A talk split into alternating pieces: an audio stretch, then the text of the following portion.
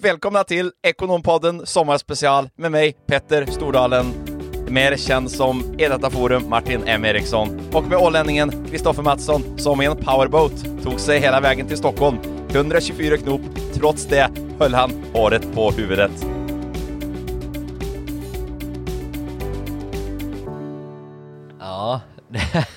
imitatören, du gillar att imitera och framförallt Petter Stordalen, där tyckte jag du gjorde riktigt, riktigt bra. Hur kändes det själv? Ja, det kändes fantastiskt bra. Det, det är ju jäkligt kul alltså. Det, det känns faktiskt jäkligt, eh, riktigt härligt att, få inta lite Eh, lite ord och dialekter som andra personer eh, normalt sett gör. Frågan är om du inte skulle ta oss en vända till Köpenhamn också, kapten Rasmussen? Välkommen på den flygmässa som Starline som ska testa Kuhnholm. ja, jag hoppas att eh, vi har den eh, kapten Rasmussen där när vi åker till Köpenhamn. Ja, vi ska ju ner snart här nu i veckan. Exakt, snart är det dags. Men hur, hur ser vår resväg ut? Du får ju berätta för en, för en ålänning som aldrig har lämnat Mariehamn. Eh, ja, precis. Vi, eh, vi tar oss eh, söderut här från Göteborg. Eh, ner längs med västkuststräckan. Vi får se om vi tar ett litet pitstop i Varberg faktiskt här eh, och njuter lite av sommarstaden Varberg eh, innan vi rullar in i, i Köpenhamn och eh, gästspelar Käka lite pölse! Ja, precis. Eh, gå på Nyhavn och eh, dricker en öl och ta smör som den danska kulturen. Men eh, nej, men det blir, eh, det blir sommarstaden Köpenhamn vi ska göra. Mm. Premiär för dig. Det, det är det, det är det och det ser jag väldigt mycket fram emot. Jag har ju hört sådär att eh, Köpenhamn är lite som, eh, som Stockholms Södermalm. Eh, det är väldigt sådär, ja men man lever ut och man är lite relaxed och, och, och ja eller vad, vad är din take? Du har ju ja, men det, alla dagar i veckan, det är precis så kulturen i, i, i Köpenhamn är. Det, det, det är lite som Södermalm, om man ska likställa det, och vilket jag älskar. Eh, älskar ju både Köpenhamn och eh, Söder. Eh, det är två fantastiska platser tycker jag, som har en, en en själ i sig på ett sätt som, som inte alla andra platser har. Eh, alla som platser... inte finns i Mariehamn på Torggatan? alltså alla platser har, jag satt och hade en, en diskussion faktiskt med en, en, eh, en vän till mig eh, på det här ämnet och, och vi pratade just om olika platser och vad olika platser kan betyda för en och, och det är som att alla platser ibland har någon form av alla, alla har något unikt som man hakar upp och hänger upp sin relation på till den här specifika platsen. Till exempel Österlen i Skåne då är ju ett annat bra exempel. Eh, om man ska prata om, om relation så är det ju, jag har ju egentligen ingen anknytning överhuvudtaget till varken Skåne eller till Österlen. Men älskar Skåne och Österlen och, och, tycker att det är en fantastisk plats. Så min anknytning har ju blivit någonstans eh, det naturnära och äkta i, i den här. Det känns som en plats eh, i Sverige som har väldigt mycket eh, själ som går ner i rötterna liksom. Mycket naturnära, det är mycket fokus på, på, på råvarorna, det är mycket fokus på det genuina och det äkta någonstans i hela, i hela Skåne.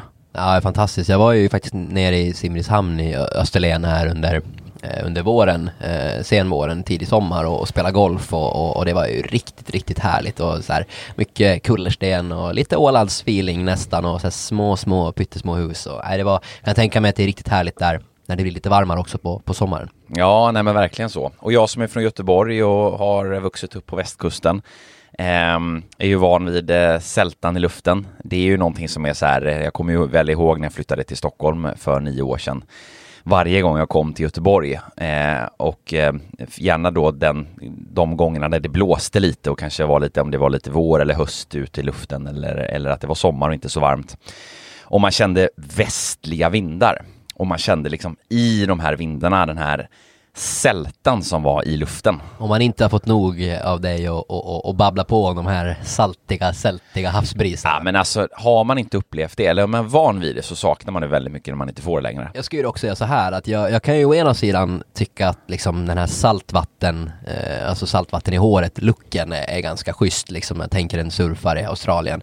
Men jag har ju lite jag har ju lite sådana här demoner i, i huvudet från när jag var yngre så var vi mycket och reste och, och eh, runt omkring i ja, men Thailand och, och sådär och det är ju väldigt, väldigt saltvatten där. Eh, och jag, eh, du vet, man fick saltvatten i ögonen och sådär. Det där har ju liksom ärrat en for life så jag har ju har blivit en poolkille sen mm, det där. Precis. Eh, och jag är ju mer havsbadskille. Eh, så att det, det, det, jag är ju van vid det från början. Det är ju lite coolare med, med sand mellan tårna och en, en bärs på, på stranden. Så jag kanske får, eh, nu när jag har växt upp och, och, och sådär, kanske får börja dyka ut med ögonen öppna i, i, i saltiga eh, västkusten här. Känner spontant åker. att vi faktiskt stannar till i Varberg eh, en sväng. Då blir det så, då blir ja. det så. Det är du som är reseledaren. Härligt.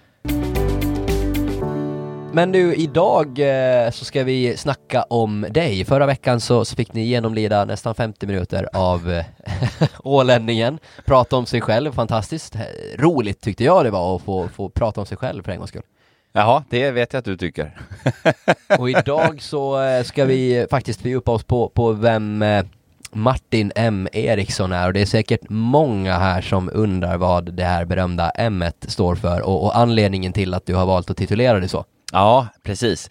Eh, det var faktiskt eh, två gånger under en och samma vecka, det här jag var i 20-årsåldern, eh, som jag fick frågan om, äh, det var jag då som var E-Type och de skämtade ju såklart och var inte seriösa. Eh, andra gången var när vi gick in och skulle lägga undan ett par jeans i, i en butik och så, så, så skulle jag lägga undan dem så frågade hon vad heter du? Ja, nej, men Martin Eriksson. Ja, jag skriver E-Type här och hon tyckte att det var jätteroligt och lustigt. Och vid den tidpunkten så kände jag, eh, jag vilket jag fortfarande, fortfarande känner, jag har liksom noll anknytning överhuvudtaget till E-Type. Så jag känner mig faktiskt ganska förnärmad.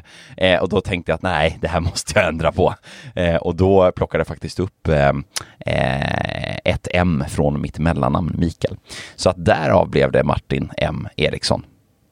Mm, jag förstår. Det är bra. Då, då, många undrande. Jag har fått frågan många gånger. Jag har ju nog eventuellt ställt frågan någon gång, men, men eh, eh ja, nu vet vi det i alla fall. Mm. Och eh, i övrigt då, eh, idag eh, jobbar du på, på Talents of Sweden tillsammans med mig och du har väl ganska nyligen tillträtt som verkställande direktör också. Gratulerar får man säga och nu är du officiellt också den, den som är above me, om du tycker det så. Ja, tack för det. Det eh, har jag gjort. Eh, det kan väl vara eh, läge ibland eh, och, och, bolaget går genom olika faser och genom olika eh, tidsepoker. Eh, Andreas som har haft rollen tidigare har, eh, har varit helt fantastisk i den och, och, och tagit oss till den, eh, till den plats vi är idag tillsammans och hållit ihop allting. Och nu går vi in i en ny fas med nya spännande, eh, spännande utmaningar framför oss som vi ska ta oss an för att bygga det här till nästa nivå. Eh, och då har jag fått förtroendet av, av styrelsen och, och axla vd-rollen, vilket jag eh, tycker är fantastiskt kul och, och ser fram emot att få, eh, få jobba vidare med, med, med alla de intressena som jag har. Och hur skulle du då det här året, eh, eller det här året, men det är väl nästan det här ett och ett halvt året nu efter, efter corona och som företagsledare på ett eller annat sätt eller någonting som du ändå har drivit länge och, och eh, när allting plötsligt vänds upp och ner och, och hur, hur, hur, vill du när du tittar tillbaka, hur, eh, vad, vad, tar du med dig och vad har det varit för motgångar och framgångar och, och lärdomar? Det var ju eh, när vi gick in i, i covid eh, så hände ju allting väldigt, väldigt snabbt. Och eh, några eh, som jag tar med mig, eh, några så viktiga saker som vi gjorde då ganska direkt egentligen och, och som vi i efterhand också såg var ganska verkningsfulla för, för utfallet, resultatet, eh, var ju dels att, att, att, väldigt, väldigt snabbt bilda sin uppfattning om eh, vad är situationen vi står i, vad är det egentligen som händer och vad är det egentligen som sker.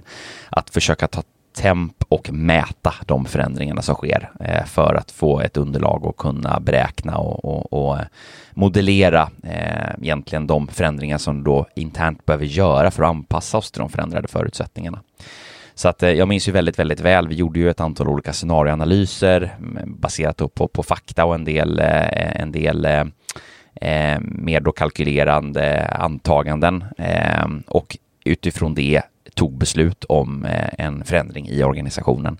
Eh, strukturerade om vissa roller internt. Eh, vi gjorde förändringar mellan de olika affärsområdena och agerade också väldigt, väldigt handlingskraftigt och, och snabbt i den processen. Jag vet att vi fick fick beröm faktiskt från, från olika håll och kanter i efterhand att, att vi var väldigt, väldigt snabba.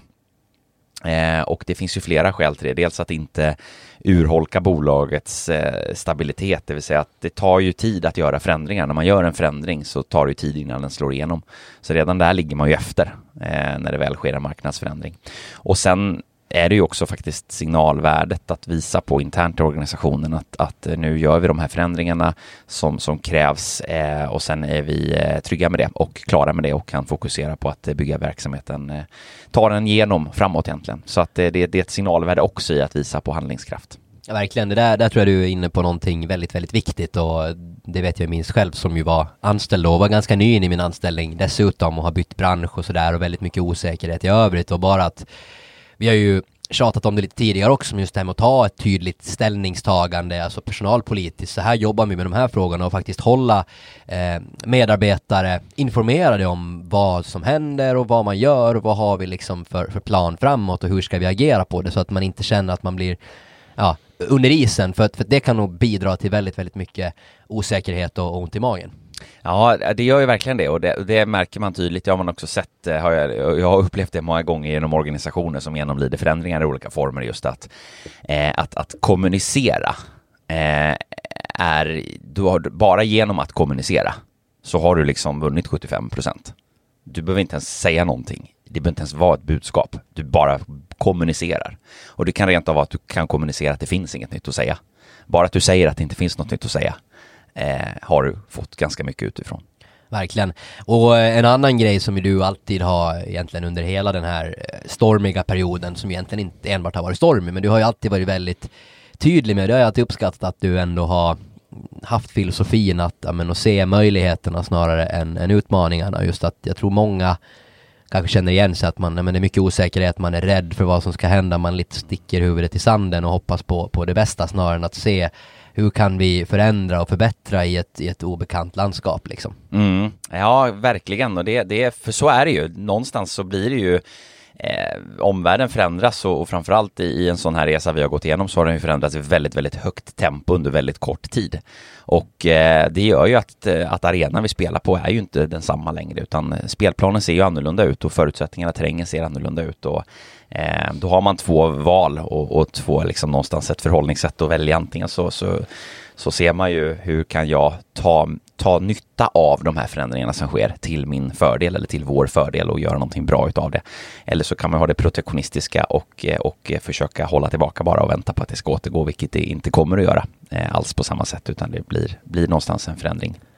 Spännande.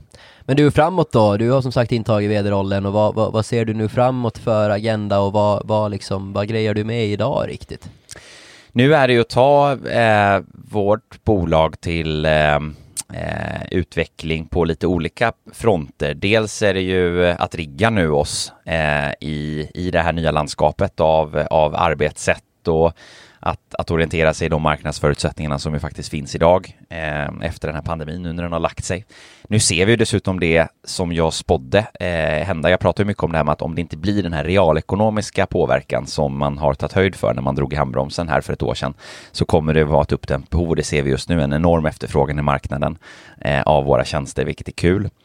Eh, och då internt att, att rigga oss eh, för en fortsatt tillväxtresa. Eh, vi vi eh, har ju fått en, ett, ett gott renommé och, och, uppskattning från våra kunder och, och, kandidater och intressenter om att vi gör bra grejer och då är det ju att ta bolaget internt också med en intern struktur som ger förutsättningar för att kunna växa och fortsätta göra det i, i, i ännu större utsträckning egentligen. Och vi är ju ett tjänsteproducerande bolag, vilket betyder att vi eh, det är vi personer som är i bolaget, som är vi som skapar resultaten, det är vi som utför tjänsterna, det är vi som gör det här, de här leveranserna som vi faktiskt gör. Och då betyder det att vi måste må bra och vi måste trivas och känna att vi har, har, är på en plats där vi, där vi har förutsättningar att, leverera. Så att mycket handlar om att få liksom det interna humankapitalet att funka på ett bra sätt. Alltså interna strukturer, förhållningssätt mellan olika personer som har olika roller och funka på ett smidigt sätt och, och få alla personer att känna en, en, en utveckling i, i, sin roll och eh, att man är med och bidrar till, till det här större syftet. Och, eh, sen har vi också ett spännande eh, visionsarbete att göra. Eh, vi ska ta eh, Talents of Sweden till nästa visionsnivå. Vi har ju uppnått den första som vi stod för, eh, som handlar om att utgöra en naturlig plattform för, för karriärutveckling för duktiga ekonomer och näringslivets nya sätt att finna dem. Där, eh, eh, den har vi checkat av idag och nu ska vi ta det här till nästa nivå, eh, som ju handlar om att skapa någonstans eh, nästa visionsmål för vart vi, vart vi vill uppnå och vart vi ska ta verksamheten. Och det i sin tur då linjerar ju också med affärs och konceptutveckling med hur vi ska utveckla vår affär, alltså vad är det faktiskt vi ska tillhandahålla och leverera till våra kunder och till våra, till våra intressenter och till marknaden. Så att det, är, det är ett spännande eh, lagarbete. Det handlar om att få ihop väldigt många olika eh, pusselbitar eh, och eh, dra åt ett och samma håll egentligen. Ja, verkligen. Spännande resa vi har framför oss här med, med, med start igen efter några härliga dagar nere i, i söder och, och eh, och sådär. Det ser jag verkligen fram emot att få, få göra tillsammans med dig och det har varit extremt roligt och lärorikt det här året och jag ser fram emot att vi kan åstadkomma framåt. Eh, verkligen. Men du, om vi, om vi lämnar, eller lämnar, vi, vi, vi, vi går bort från Talents of Sweden en, en liten stund och jag är lite nyfiken på, på dig Martin och liksom du är ju, eh, du är ju fantastiskt många olika sätt och jag brukar säga sådär, ja men du är ju en sport och aktivitetsknarkande filosof, skulle man kunna beskriva dig som det? ja, det var, det var en, det var faktiskt en jäkligt kul liner, måste jag säga. Eh, ja, det skulle man väl kunna säga, eh, absolut. Jag, jag eh, Eh, det, det, är väl så som mitt liv ser ut ganska mycket idag. Jag älskar ju att aktivera mig eh, på olika sätt eh, och eh, trivs väldigt mycket med med det. Eh, alltid älskat att testa nya sporter. Eh, jag brukar ju säga att mitt bollsinne är katastrofalt. Det... Har du testat spikeball ännu då? Nej, jag har ju inte gjort det än. Det får bli eh, i, eh, vad heter det, Göteborg kanske? Ja, exakt. Eller i Köpenhamn, möjligen. Eller på någon Ålandstripp här i höst. Eh, det löser vi. Ja, och det här med att testa nya sporter, jag brukar prata om mitt bollsinne där som kanske inte alltid är det bästa och det är ett problem då när man växlar mellan olika racketsporter. Att liksom jag får in träffarna i bollen eh, i till exempel då eh, padden eh, och det sitter bra. Eh, och sen då att växla över till badminton där är ju faktiskt racketskaftet är längre. Då är det faktiskt en liten inkörsperiod där i början. Men det måste jag faktiskt säga och det kommer vi kanske komma in på här senare också men, men just det här med ett intresse för, ta till exempel paddel ju som, som du kanske, om jag tittar i min bekant och väns, vänskapskrets eh, skara så ska jag ju inte säga att du kanske är bäst av dem men du är jäkligt duktig och pedagogisk på att förklara hur andra ska göra och bli bra på det. Och, och, det tycker jag är ganska intressant. Jag vet här när vi var med, med, med två bekanta som aldrig hade spelat eh, förut och, och, jag kan ju tycka att jag är förhållandevis pedagogisk men du tar det ju till en ny nivå faktiskt. Du, det tackar vi för. Och det är ju eh, ett av mina stora personliga intressen och hur jag funkar som person. Jag, jag älskar ju just det här med eh, själva Alltså att se andra människor växa och, och lärandeprocessen för andra. Att, att se en person ta sig an någonting och ta det till nästa nivå eh, och se den, den utvecklingen som en individ gör i den resan. Det tycker jag är, det är en av mina absolut största stimulanspunkter jag har i mitt liv. Ja, sen har vi dock fått lite feedback där. Vi hade ju en brännbollsturnering här i somras och, och eh, jag hade ju en ganska dålig dag, men jag brukar ju i vanliga fall vara ganska duktig på brännboll, men du hade också en ganska dålig dag, eller om det var annat som spökade. Nej, det var ju också att pricka bollen där, det är kanske inte den starka sidan. Nej, så då fick vi ju lite hemläxa där att nästa konferens som, som eh, Ekonompodden, eller grabbarna i Ekonompodden åker på, så får de bli ett träningsläge på brännbollsbanan. Eh, ja, jo, absolut. Den kan vi bjuda på. Eh, nej, men tillbaks till, eh, till det här med, eh, med det pedagogiska. Det, det, eh, det är ett stort intresse jag har och eh, jag har ju alltid gillat eh, att utbilda till exempel. Det är någonting som jag har gjort ganska mycket genom åren i mina olika roller och även här på Talents of Sweden. Och, eh, att dela med mig av kunskap och, och också insikter om rent så här förhållningssätt i, i, i, i det mentala och, och, och så vidare. Eh, så, att, så, att, just det tycker jag är, är kul. Eh, så att det, det, är faktiskt väldigt, väldigt roligt att du, att du säger det. Mm. Men du om vi backar banden liksom, vem, vem, eh, berätta lite om din ungdom och din barndom. Jag, jag tjafsar ju om min egen eh, i, i 30-40 minuter här för, för mm. några veckor sedan. Jag är väldigt nyfiken på, eller jag framförallt, men även lyssnarna är lite nyfikna på, på vem, vem Martin är. Ja, alltså jag kallades ju, jag kallades ju för uppfinnar-Jocke som barn eh, av, av många. Eh, en uppfinnare och en clown, vilken härlig mix. Ja, ungefär så faktiskt. Eh, Uppfinnar-Jocke var jag, det hade ju liksom alltid eh, olika idéer om saker och ting. Eh, alltså allt möjligt, allt ifrån om hur man skulle få en gräsklippare att köra själv eh, så att man slapp gå med den. Man skulle klippa gräsmattan och du hör ju själv, det kanske inte är så, så säkert alla gånger. Eh, till eh, att bygga brevhissar mellan olika våningsplan. Jag kommer ihåg när jag var hemma hos min, eh, min eh, mormor och morfar. De bodde i ett, i ett flervåningshus och så hade jag ganska bra connection då med deras granne som bodde en trappa ner och, och, och, och eh, jag var ju barn då, fem, fyra, fem, sex år gammal bara. Men det var ganska kul att brevväxla med, med, med eh, granntanten där då. Eh, och eh, vi hade en väldigt bra connection och då byggde jag en brevhiss där vi liksom utanpå husfasaden eh, så vi, vi, vi rajade ner liksom en, ett snöre med, med en, en klädnypa på där hon kunde då fästa ett brev till mig och så kunde jag hissa upp det här brevet. och vad var det för brevkorrespondens då? Alltså jag kommer faktiskt inte ens ihåg vad det var men det, det, var nog eh, det var nog inte brevkorrespondensen som var rolig utan det var själva brevhissen som var en jäkligt bra idé tyckte jag. Ja, tror du det är någon av de här idéerna som, som vi har en riktigt skarp affärsidé, alltså i miljonklassen liksom, om du skulle haft en oberoende rådgivare som hade försökt snappa ja, upp dina idéer? kanske inte, kanske inte, jo men det skulle jag nog ändå säga. Alltså, Gräsklipparen det, kör ju själv idag. Alltså, det har varit, måste jag säga, väldigt många idéer i mitt huvud genom åren. Alltså det, det, eh, och det är någonstans där, det är ju den här kreativa, alltså kreativa processen. Jag brukar ju säga det att allting du ser i världen skapas två gånger. Det har skapats första gången i någons sinne och huvud innan det för andra gången kunde skapas i verkligheten. Och det var jag verkligen som barn, alltså det var, det var mycket idéer.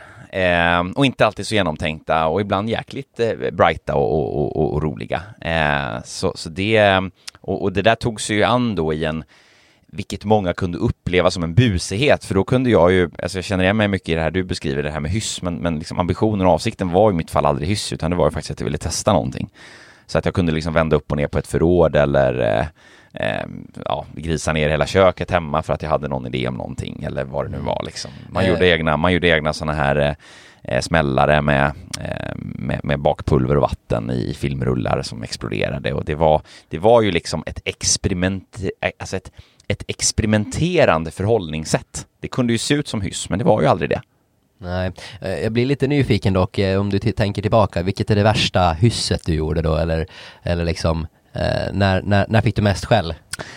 Ja, alltså mest skäll, ja det har väl ändå hänt några gånger att man har fått. Eh, jag tyckte till exempel när jag var fyra år gammal att eh, jag hade en granne då, Lennart, som bodde ovanpå, eh, goda vänner då till mina föräldrar som bodde ovanpå oss då.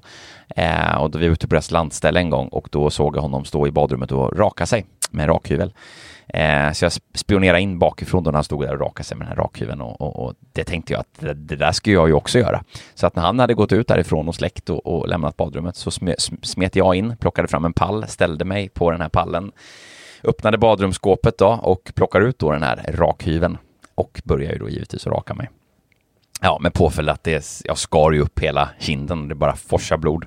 Eh, och jag störtlipa och springer ut då chocken som alla får, bara vad har du gjort? Eh, eh, och, och eh, det, var väl, det var väl det här med att testa och, och prova ah. på. Eh, och sen sån här rönnbärssmällare, jag vet inte om du har gjort sådana någon gång, man tar en toapappersrulle och eh, sätter på en eh, ballong. Eh, så man kan skjuta ah. iväg grejer. Ja, jag körde med den där bakpulver och vatten i ja. ja. Jag kommer ihåg att vi hade pricktävling en gång in till en granne på gården, jag och en kompis. Eh, så stod vi och sköt in rönnbär in i deras vardagsrum, vem som kunde pricka, eh, prickskytte liksom, in i den här öppningen. Då. Eh, det var ju inte så populärt, de var ju hemma. Jag vet inte hur vi tänkte faktiskt då, men vi var rätt små då. Hur var det nere i, i på västkusten då? Jag vet ju att vi, vårt umgänge, vi pallar ju mycket. Jag vet inte om palla är ett ut... Ja, liksom. jo då, palla. Ja, vi stal ju liksom jordgubbar, ja. äpplen ja. och, och, allt av, av näring tänkte jag säga, i mm. allas trädgårdar. Och det var ju, det var ju fruktansvärt för, för dem naturligtvis, men underbart för, för oss grabbar som sprang runt. Gjorde du någon, pallade du några äpplen? Ja, det skulle jag väl ändå säga att vi gjorde. Eh, inte så här extrema mängder, men till viss del gjorde vi ändå det.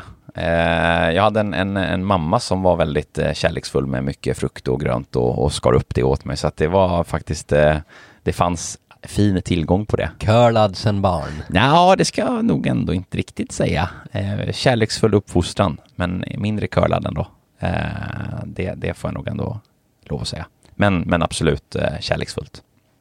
Mm, spännande. Och de här affärsidéerna eh, tog sig uttryck på olika sätt. Eh, det har ju varit som sagt väldigt många och vi har ju, eh, man har ju testat dem i olika, olika former. Eh, eh, det var ju alltid från cykelreparationer till, till cykelhandel, alltså köpte begagnade cyklar, renoverade dem och, och sålde dem. till, ja men som barn också kommer jag ihåg man skulle, jag gillar ju alltid det här med att hitta en egen marknad. Alltså det här man pratar konkurrens så är många människor tävlingsinriktade. Och jag är också ganska tävlingsinriktad fast jag gillade det här med att ja, hitta min egen marknad och tävla utan konkurrens. Så eh, när jag var, tror jag också sex, eh, sju år gammal, eh, så det var ju många som höll på med så här försäljning av eh, jultidningar.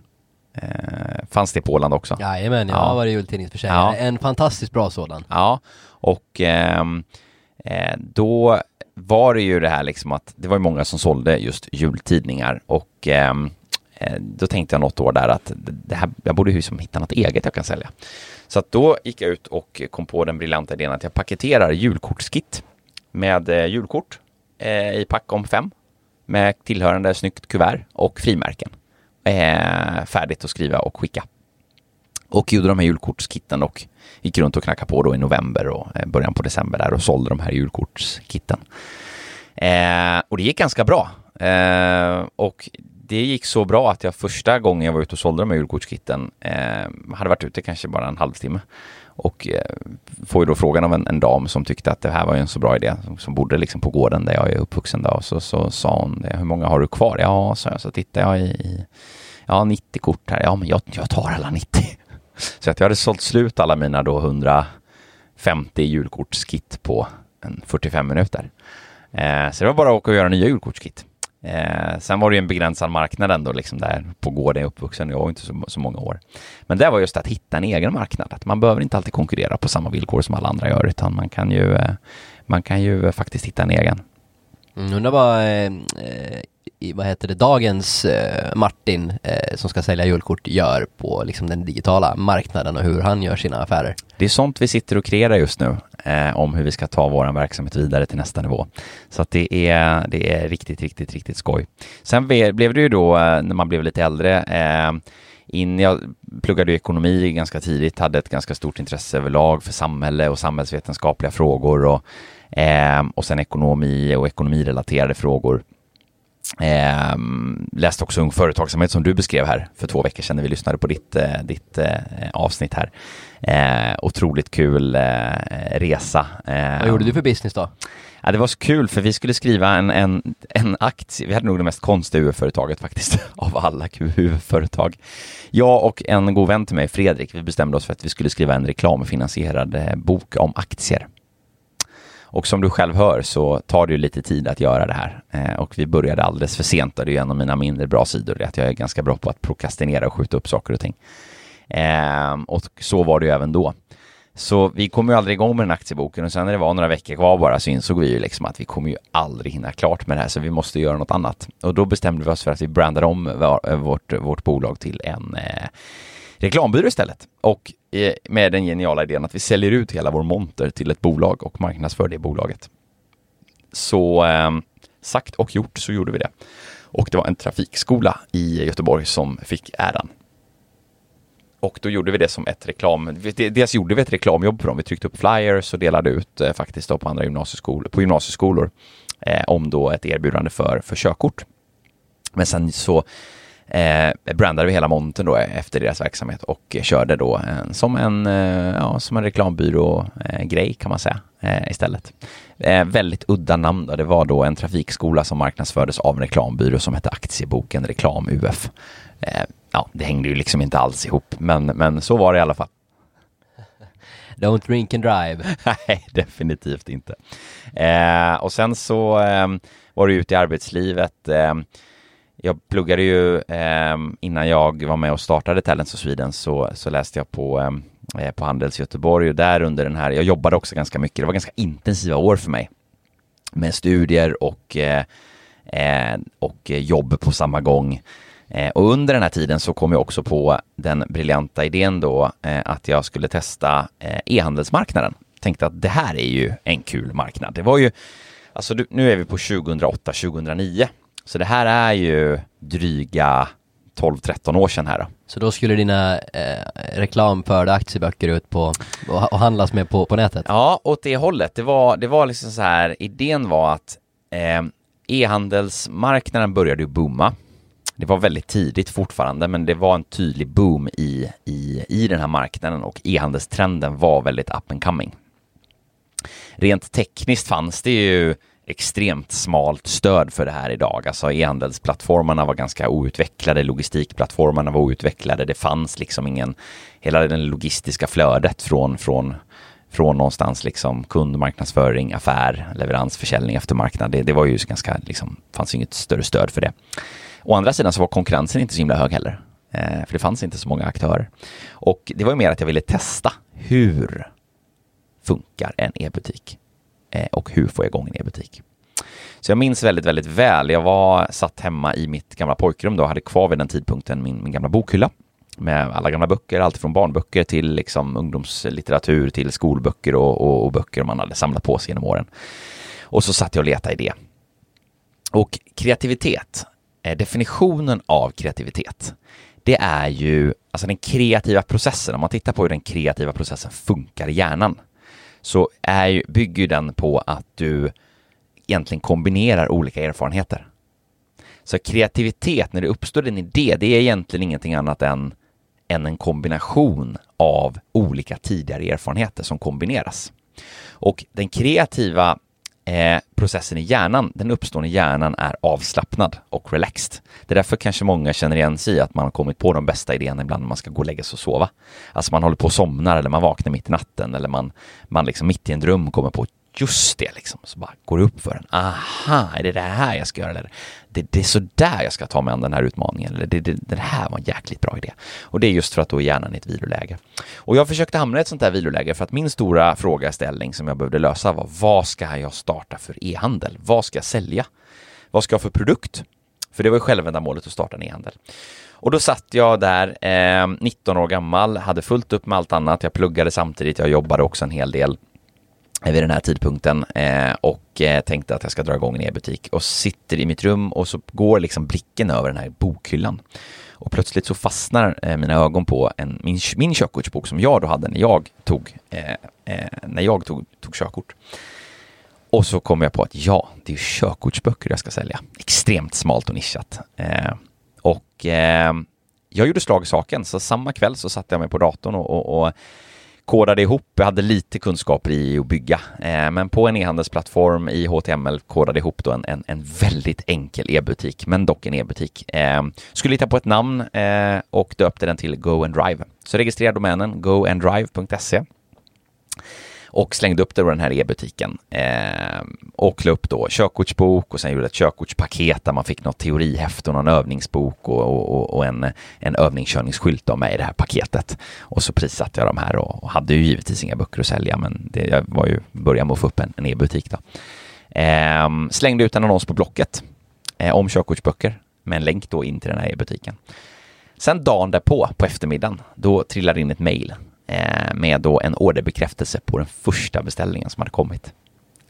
Ja, men det, jag har ju en e-butik. Det funkar. Det funkar. ja, häftigt. Så jag drog till Akademibokhandeln i stan och köpte en bok, för jag hade ingen bok att skicka. Så jag gick till Akademibokhandeln, köpte en bok, eh, åkte hem, packade den här boken i ett kuvert och skickade den till min kund. Och samma dag kom det en till beställning. Och det här började rulla på så att och jag gick ju fortsatte gå till Akademibokhandeln och köpa de här böckerna, till och med tror jag att några kronor dyrare än vad jag sålde dem för. Och insåg att det här funkar ju. Eh, och, och då, då, tog jag kontakt med förlaget och lyckades då köpa in de här böckerna och fick ju då inköpspris och, och sådär eh, med de här. Och sen när jag fick min första leverans från, från, från förlaget eh, med böcker så gick jag tillbaka till Akademibokhandeln med 14 körkortsböcker och lite andra så här teorihäften och säkert liksom sju kvitton och sa hej, jag skulle vilja lämna tillbaka de här så jag ja. tog ett lagerlån från, från Akademibokhandeln, så det tackar vi för. Ja. Jag höll ju på med den här eh, idén eh, i nio månader ungefär och eh, tog faktiskt en väldigt, väldigt stor andel av eh, näthandeln för körkortsböcker. Sen var det lite utmaning vid den här tidpunkten. Eh, om en kund hörde av sig så har jag inte fått min leverans, så var det bara att skicka en ny för att det fanns liksom ingen spårtjänst eller någonting som det finns idag. Det var ju liksom, man skickade ju per post egentligen om de hade betalat med kort eller så var det postförskott då, så de fick hämta ut det och löste de inte ut sitt postförskott så hade jag ju en postförskottsavgift och sådär. Så det var lite svårt att få lönsamhet så att jag eh, eh tror jag sålde körkortsböcker för 900 000 första nio månaderna. Eh, du var ju på bollen tidigt verkligen. Ja, det ska jag säga. Ja, imponerande. Så det var en kul, kul erfarenhet att få lära sig hur man startar en e-butik. Verkligen. Bra business. Ja, det var kul. Eh, och många sådana här liksom genom åren och genom barndomsåren roliga idéer. Men det här var nog ändå det mest omsättningstunga faktiskt i tidig ålder ändå.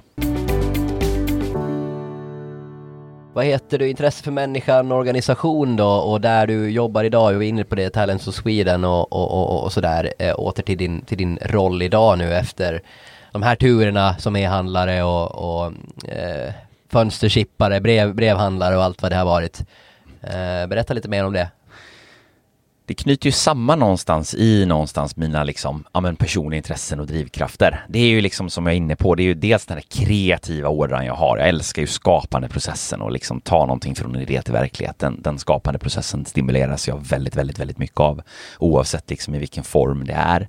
Eh, intresset för, för människor eh, och eh, utveckling av individer. Det som jag också var inne på lite tidigare, det, det är också någonting som jag fått väldigt stort utlopp för idag och det märkte jag väldigt fort när jag väl kom ut i yrkeslivet sen, ganska snabbt ändå, också under parallellt med studieåren, att jag sökte mig till ekonomiutbildning för att jag var intresserad av, av liksom företagsamhet och ekonomi och sådär. Men sen när man väl kommer ut och börjar få testa och omsätta det i praktiken så inser man sig, men vad är det jag egentligen tycker är riktigt, riktigt roligt? Och, och, och det var just det här med att förstå hur, hur funkar en organisation? Hur funkar ett bolag? Hur, vad är det som gör att, man, att människor presterar och trivs? Eh, vad är det som skapar högpresterande team, organisationer och individer? Väldigt, väldigt stort fokus på individen och människan och det, det, det är det som egentligen har varit en eh, eh, ändå en röd tråd i under hela den här resan också då med, med eh, Talents of Sweden och allt som vi åstadkommit, både i form av det jobbet vi gör ute i våra kunders organisationer då, men också min nuvarande roll eh, som, som jag ju har eh, med att utveckla verksamheten internt hos oss. Så det, det är verkligen en kombination av, av, av de här delarna med både kreativitet och eh, intresse för eh, individ och eh, och eh, individutveckling och, eh, och sen många andra saker som, som är roliga i det också. Ja, du brukar ju prata mycket om, eh, om liksom träning och hälsa, att det är viktigt för dig och eh, ja, men just det här både mentalt och, och även fysiskt få, få sådär eh, jobba med de frågorna. Vad, hur viktigt är den biten för dig och liksom är det, eh, ja, be, beskriv lite hur du jobbar med de frågorna. Ja, jag tänker ju så här att vi, vi skapar liksom i, i någon form av eh, kropp och sinne och själ. Och det är ju vi som hela tiden skapar en output och det är ju hela tiden vi som också upplever en upplevelse och får en input av omvärlden. Eh, det är ju liksom så här, det som händer i omgivningen, det är ju en sak. Sen är det hur vi förhåller oss till det och vårt synsätt på det och hur vi uppfattar det som, som är en helt annan grej och det, det påverkas ganska mycket av både vår output och vår input vi får påverkas väldigt mycket av vår sinnesstämning och hur vi mår och hur vi känner oss och så vidare. Så att det, det, det har jag fått med mig från att kanske liksom som, som barn inte ha varit så himla aktiv alla gånger till, till att ha, ha fått eh, uppleva värdet av att röra på sig och, och, och träna och, och, anstränga sig fysiskt så har ju det blivit idag en, en, en extremt stor passion för mig. Jag, jag älskar ju att testa nya idrotter och har ju eh, ja, det, det, det, finns en ganska lång lista på, på, på olika sporter som jag ändå har sysselsatt mig med och, eh, och utövat. Det är väl bra att man håller sig aktiv och, och, och tränar om man eh, å andra sidan är en, en eh, med i vad heter det, Mästerkocken och gör gräddiga såser och, och etc. så att man håller, håller pli på, på sommarkroppen. Ja, exakt. Det är ju det, är det här, mat och dryck är också ett stort intresse.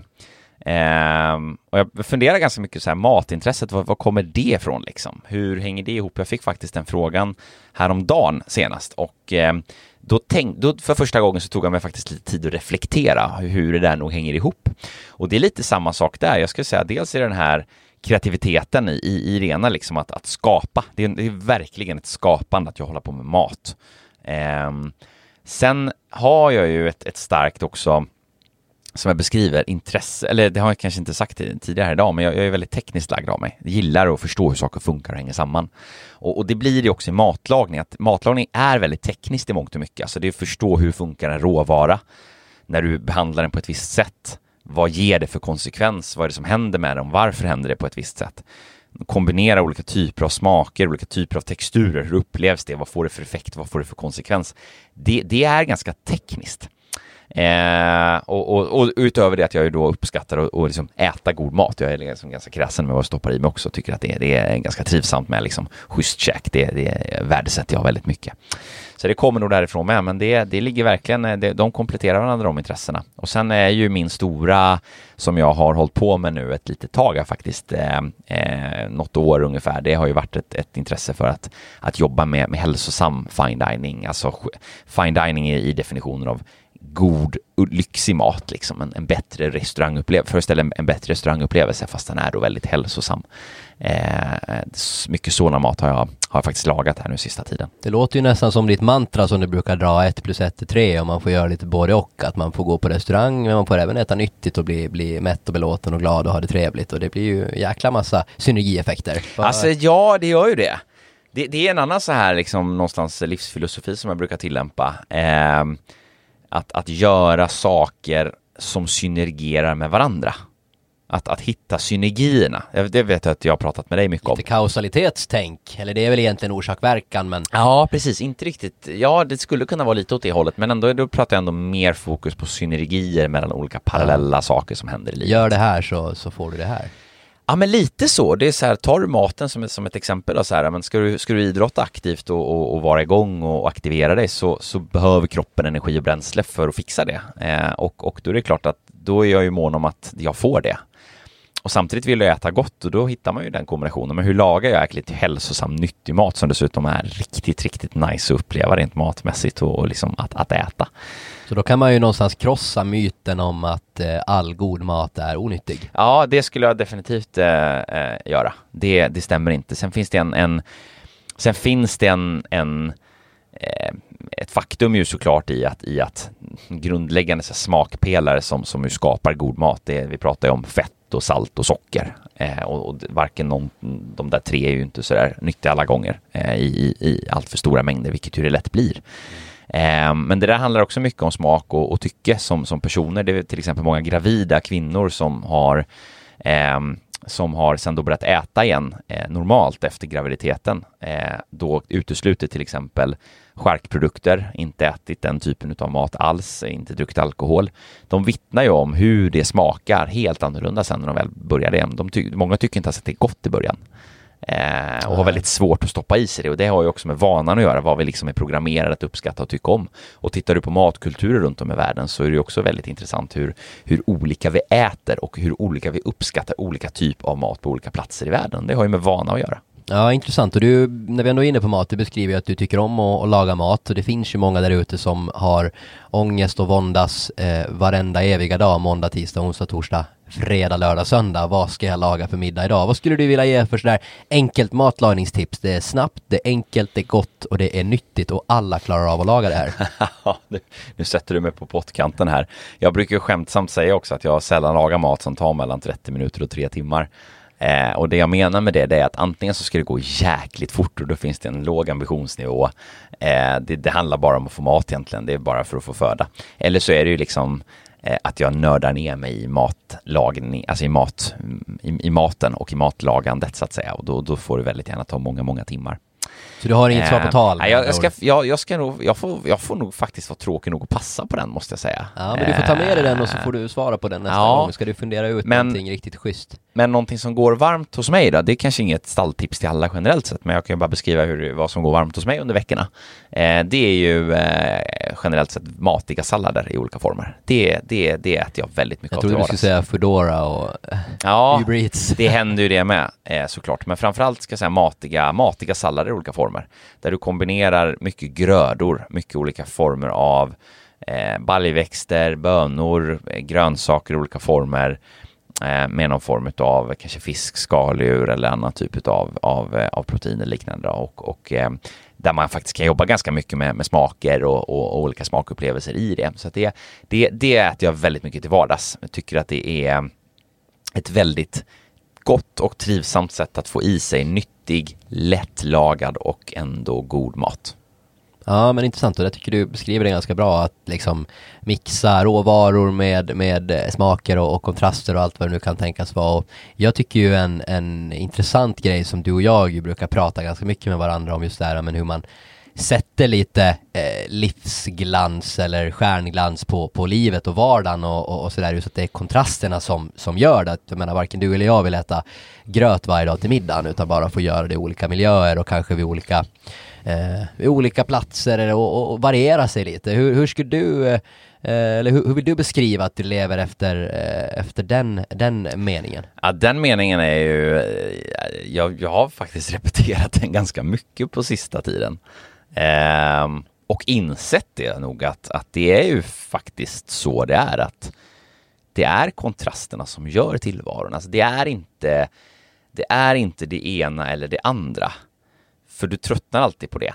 Eh, var du än, var, alltså hur mycket du än uppskattar en viss sak, gör du bara det och inget annat så kommer, du, kommer det bli en vana och du kommer tröttna på det. Och ändå finns det ju extremt många rutinmänniskor där ute som har exakt samma morgonrutin och äter exakt samma frukost och äter exakt samma lunch och äter ja, exakt samma middag. Det gör de, men då har de också kontraster. För att de äter inte frukost hela dagen. Utan de äter frukost och sen så går de iväg och cyklar till jobbet. Och sen så är de på jobbet och jobbar. Sen när de är klara med jobbet, då äter de, cyklar de hem Eh, eller så är de iväg och tränar. Eller så. Det, det, skiftar det, det, alltså. det, låter ju inte extremt kontrasterande i mina öron, men jag, jag, köper, jag köper vad du, Nej, vad du all, far efter och det är, allting är ju relativt också. exakt, är allt är ju relativt. Principen är fortfarande densamma även för en rutinmänniska, så är det ju kontrasterna, alltså det är skiftet hela tiden. Även om det en rutin, dagsrutin ser exakt likadan ut, så kommer ju den dagsrutinen innehålla väldigt många olika saker som sker under dagen. Och ibland ju, kanske man tar mjölken med höger hand och ibland tar man mjölken även med vänster Även om de alltid tar mjölken med vänsterhanden och att de är så pass rutininriktade och inrutade i liksom sitt sätt att vara så är det en kontrast för att de tar mjölken och sen så dricker de kaffet och sen så är det ju liksom att, att fixa med disken eller vad det än Även om den rutinen är samma varje dag så är det ju en kontrast som sker under dagen i de här olika aktiviteterna. Och, och för mig då som inte är en rutinmänniska så, så är det ju då Eh, principen densamma fast då lite mer extremt då, att, att, att jag uppskattar olikheter och gör olika saker. Även om jag har mina intresseområden som jag gärna återkommer till så, så kanske det är lite mer i perioder. Som till exempel här i vintras när jag nördade ner mig på, på skidåkningen och, och hade ju faktiskt hela nästan 40 alpina skiddagar. Men eh, du, om, om eh, tiden börjar rinna ut här så tänkte jag att du skulle få lite slutplädering och, och liksom några sista råd eller tips eller tricks eller, eller vem du är eller hur vill du summera det här avsnittet om, om dig själv? Mm. Um, jag tycker nog att jag har summerat ganska bra. Några tillägg ändå som, som väl kan vara väl värda slutord eh, som följetong på det här med kontrasterna som gör tillvaron så kan man ju faktiskt ta med sig det att brukar fråga ibland så här men ska du ha det eller det? Eh, nej, men jag ska ha både och. Nej, men du måste välja. Nej, men varför ska jag välja för? Eh, när jag kan få både och. Eh, och det är väl en sån här devis som jag, som jag tycker liksom att man kanske inte alltid måste, måste välja faktiskt. Ehm, och sen så eh, tillbaks till, till, eh, till västkusten också så kan jag faktiskt dela med mig av en av mina eh, så här livsmål som jag ändå har, eh, som också ändå sammankopplas till det här med att utveckla och hjälpa andra. Jag, jag finner ju en väldig förnöjsamhet i att hjälpa andra människor. Jag tycker att det är otroligt tillfredsställande och, och eh, eh med, min, med mitt intresse för förkärlek till havet så är det en sån här dröm jag har att jag ska eh, någon gång när jag bor i ett hus eh, nära en SSRS, alltså Svenska Sjöräddningssällskapet eh, station, eh, så kommer jag vara volontärskeppare på eh, en räddningsbåt. Eh, det är ah. en, en livsdröm jag har som Vad ska roligt. förverkligas. Härligt. Så det är tillbaks till, till eh, båtlivet. Jag är uppvuxen med båt, eh, haft ah. både segelbåt och, och, och eh, åkt motorbåt och sådär som, som barn och ungdom och sen så har det inte varit så mycket i, i vuxen ålder när jag bott här på östkusten men, men det, det är en sån där sak Jag kan tänka mig att haka på som lite såhär Baywatch co-pilot Ungefär så. Det är kanske inte lika glammigt alltid som i Baywatch men, men eh, känslan av att ändå eh, få på havet i en fantastiskt eh, väl utrustad räddningsbåt eh, glida upp till någon nödställd och få hjälpa dem i någon form. Det är det är nog en, eh, en, eh, en känsla som nog summerar rätt bra allt det som jag pratat om idag med både utveckling och, och hjälpa andra, eh, kreativa lösningar på hur löser vi då den här situationen. Nu måste vi lösa det här, nu måste vi tänka kreativt för att få till det här. Eh, och eh, också ett stort intresse för eh, för de fysiska bitarna rent att, att aktivera sig och sysselsätta sig i, i fysisk form. Så att det, jag tror att det volontärandet kommer knyta ihop mig väldigt, väldigt bra. Fantastiskt, fint summerat tycker jag. Och Vi, eh, vi sätter väl punkt här för, för dagen. Jättetrevligt att lära känna dig Martin lite, lite bättre, även om jag, jag har ju lite koll på dig sen, sen innan också. Eh, så tänker vi att vi, vi tar några veckor här igen nu och eh, sen så återkommer vi eh, med, med vår vanliga agenda och, och lite spännande avsnitt och, och gästinspel här nu när, när hösten kommer och, och hägrar. Så njut av några veckor för er som har lyxen att ha eh, några veckors semester kvar och så hörs vi igen här om några veckor. Vi är i höst precis, eh, då drar vi igång med eh, lite mer fördjupningsavsnitt på olika ämnen. Mycket intervjuer med, med personer från näringslivet eh, inom, inom vårt, vårt skrå. Eh, så det ser vi verkligen fram emot att göra här. Verkligen. Stort tack för idag. Ha en underbar sommar fortsatt. Ta hand om er. hej, hej. hej. It's a sunny day, we got some time to stay. Hey, hey, hey, and everything's okay. It's a sunny day, we got some time to stay. Hey, hey, hey.